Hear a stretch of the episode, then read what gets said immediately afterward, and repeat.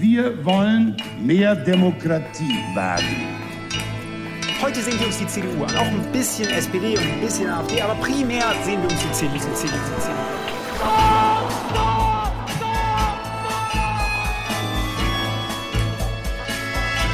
Niemand hat die Absicht, eine Mauer zu errichten.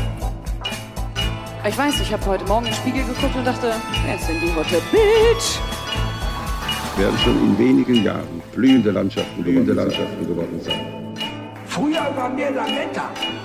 Wir haben so vieles geschafft, wir schaffen das.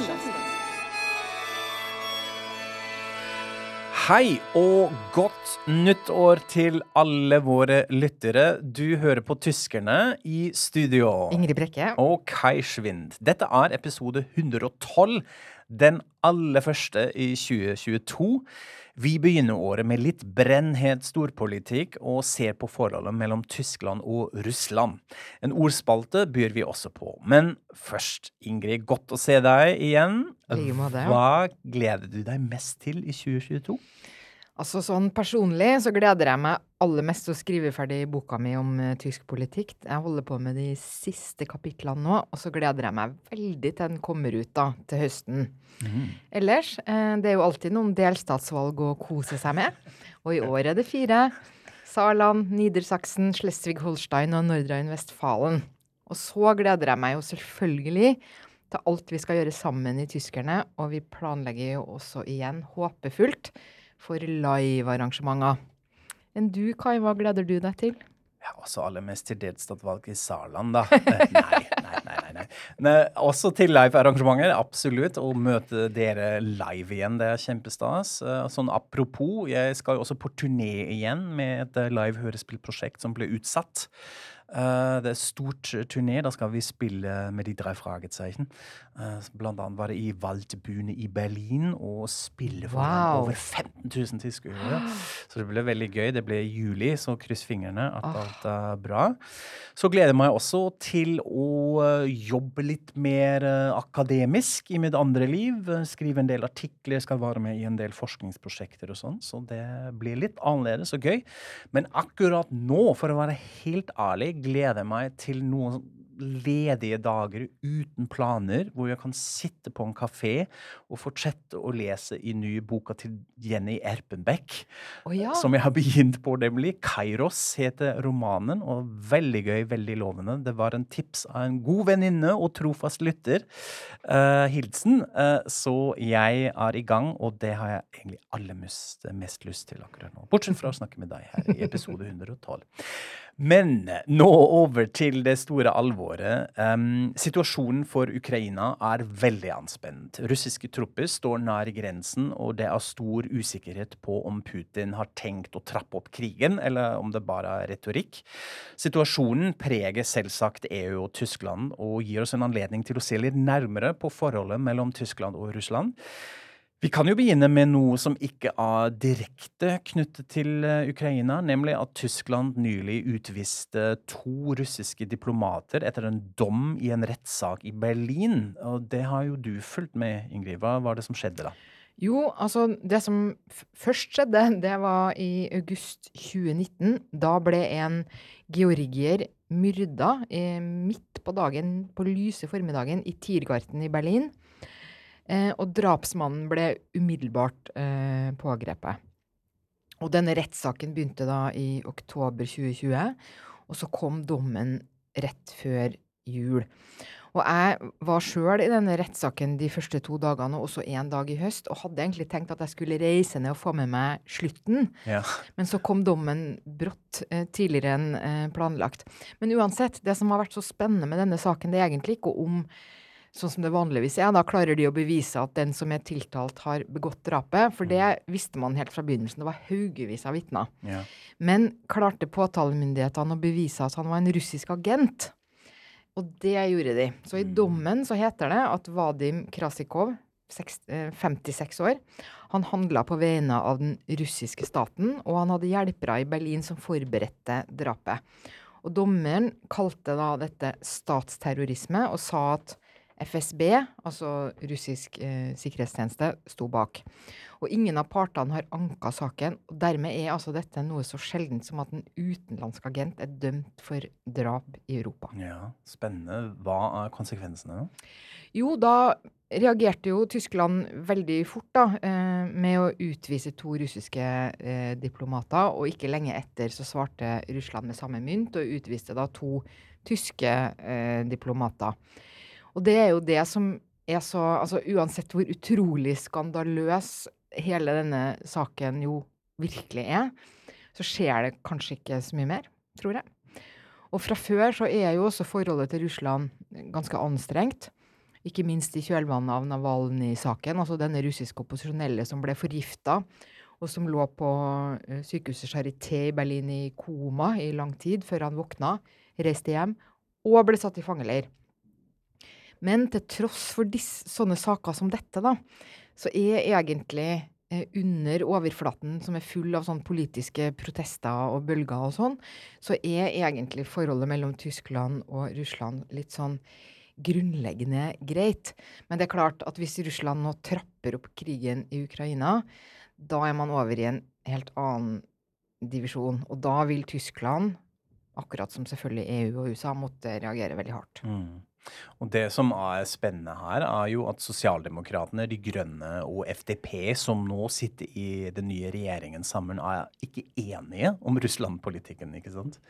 Nei, og det er jo eh, både FTP, da, Fridemokratene, og kanskje enda mer De grønne, de legger jo mye større vekt på menneskerettighetsspørsmål i sin utenrikspolitikk enn eh, sosialdemokratene eh, gjør. Eh, og i koalisjonsavtalen, eh, der de forhandla fram eh, hvordan de skulle kunne regjere sammen, så var de avsnittene om Russland den delen av utenrikspolitikken hvor det var vanskeligst å bli enig- enige. Og så var det jo også det som skjedde, var jo at da Anna-Lena Baerbock, altså fra De Grønne, ble utenriksminister, så var det internasjonalt, at man kunne lese i Financial Times og haugevis av internasjonale aviser, eh, at, at eh, mange var glade fordi de håpa at Tyskland skulle nå føre en mer sånn prinsippfast Ja. politikk mot disse eh, autoritære stormaktene, Kina og, og Russland. Så det har vært veldig spennende å se hvor langt kan da egentlig utenriksminister eh, Berbuk, gå? Altså hvor stor makt vil utenriksministeren ha i denne regjeringa? Og det som nå har skjedd, er jo at vi har fått litt svar. For Olaf Scholz han har da valgt å legge russlandspolitikken til kansleramt. Altså ta ansvaret for den selv. Det er egentlig ikke så eh, noe sånn veldig eh, rart. Altså Merkel gjorde jo det, men man visste jo ikke om han kom til å gjøre det samme eller ikke, da. Eh, og for et par dager siden så kom han også med en kommentar som har skapt en del reaksjoner, nemlig at han går for det han kaller en kvalifisierten neuanfang med Putin. Altså en kvalifisert ny start, egentlig. Mm. Men er det ikke bra for en ny kansler å starte med en sånn type åpenhet, da? Altså, ja, det høres jo veldig sånn tilforlatelig ut, men det første jeg tenkte, var at nå gjør han akkurat samme tabben som eh, Barack Obama gjorde, som skulle jo Det vakte jo voldsom oppsikt. Han skulle jo Da han ble president, så sa han liksom at nei, vi skal, nå skal vi liksom resette hele forholdet mellom USA og Russland. Og det eh, gikk jo virkelig ikke, og det var jo noe som viste seg å være en sånn stor tabbe, fordi eh, det oppfattes som en svakhet eh, eh, sett fra med russisk eh, perspektiv. Og det er jo også, når du, man begynner å tenke seg om, det er en merkelig idé at Russland og Putin skal liksom kunne forandre seg nå. Altså Ja. hva skal det hva slags konsekvenser skal det ha at man liksom begynner med sånn ny, blanke ark eller åpne kort eller noe sånt? Fordi at det man har sett, er jo at i år etter år så har denne har menneskerettighetssituasjonen i landet blitt verre og verre, og demokratiet har blitt dårligere, og Putin oppfører seg mer og mer autoritært. Og, og russlandskjennere de sier jo stort sett at det viktigste det er at man er konsekvent. Og all vakling blir sett på som en form for uh, svakhet og, og kan bli utnytta, da. Og De Grønne og FTP de går for sånne harde, røde linjer.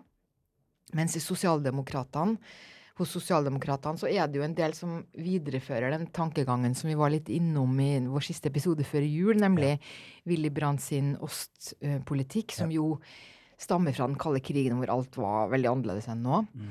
Eh, men det gjør at de er veldig opptatt av samarbeid, og, og mindre opptatt av å sette disse røde linjene da, i russlandspolitikken. Og for meg er det litt uklart akkurat hvor Scholz ligger.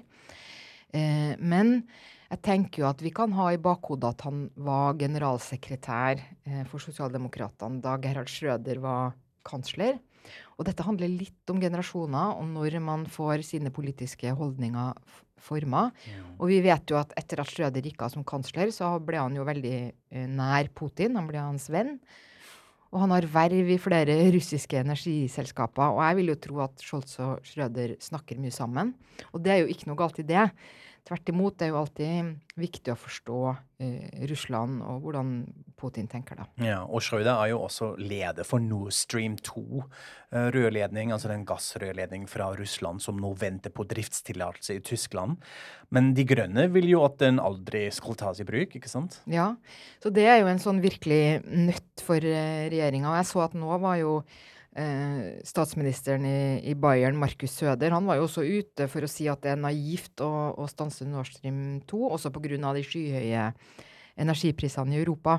Og egentlig så ligger ikke sosialdemokratene og kristeligdemokratene sin russlandspolitikk så veldig langt fra hverandre.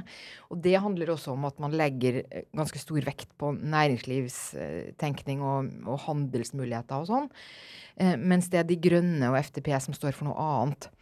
Eh, og nå virker det eh, som Scholz da har tenkt å kjøre gjennom sin linje, og antagelig også eh, da dermed gå for Nord Stream 2. Men her er det jo virkelig den internasjonale utviklinga som bestemmer. Og skulle Putin finne på å trappe opp krigen, så blir jo dette ikke noen avgjørelser som Tyskland kan drive og ta. De vil bli tatt litt sånn for dem. For de er nødt til å stå på, og vil selvfølgelig også stå på en sånn felleseuropeisk, eh, amerikansk linje der ikke den gassrørledningen blir tatt i bruk med det aller første, i hvert fall. Ja. Men hvorfor er det så stor uenighet i Tyskland om hvilket forhold vi bør ha til Russland? Hva er det? Ja, eh, det der syns jeg er utrolig eh, fascinerende spørsmål, altså. Og, og det fins selvfølgelig fryktelig mange svar, og det skyldes jo fordi opp gjennom historien har Russland og Tyskland stått veldig nærme. Altså det er lett å være briter eller amerikanere eller noen som er langt unna, og ha en sånn haukete holdning eh, til Russland, ikke sant? Mens Tyskland er på en måte en slags europeisk nabo. Eh, Selv om man ikke nå deler grenser, men historisk er man eh, naboer. Og i tillegg eh, så synger jo krigen, altså andre verdenskrig, fortsatt i bakgrunnen i mange former. Og én ting er jo da at russerne led utrolig hardt under nazistene sin herjinger. Så det finnes en viss sånn krigsskyldfølelse hos tyskerne, tror jeg. Men også et, et kanskje sånn stormaktfellesskap. Eh, jeg har lest analyser som som påpeker at fordi begge disse landene egentlig har en veldig grusom fortid, hvor de har herja med sin egen befolkning og med andre, eh, og at Tyskland også kanskje føler en viss sånn takknemlighet fordi Russland ikke har brukt krigen mot dem mer enn de har, f.eks. ved at de aksepterte eh, gjenforeninga. Altså, det ligger mye sånne ting under, under og dirrer, som, som ikke er så lett å se i den daglige debatten, men som antagelig betyr noe som en sånn understrøm. Ja, og denne, denne splittelsen i Øst- og Vest-Tyskland har jo sikkert noe med det å gjøre Ja, også, ikke sant? At det, det er rett og slett var nærmere Ja. uh, der. Men hva er det med det ordet, det rare ordet Russland forstå? Ja, det er også sånn kjempe, Det er virkelig rart, altså. At, at Russlands forstår, Ja. det er da et skjellsord for de som er russlandsvennlige. Og dette blomstra vel veldig opp da Russland annekterte Krim og gikk inn i Ukraina, altså rundt sånn 2014.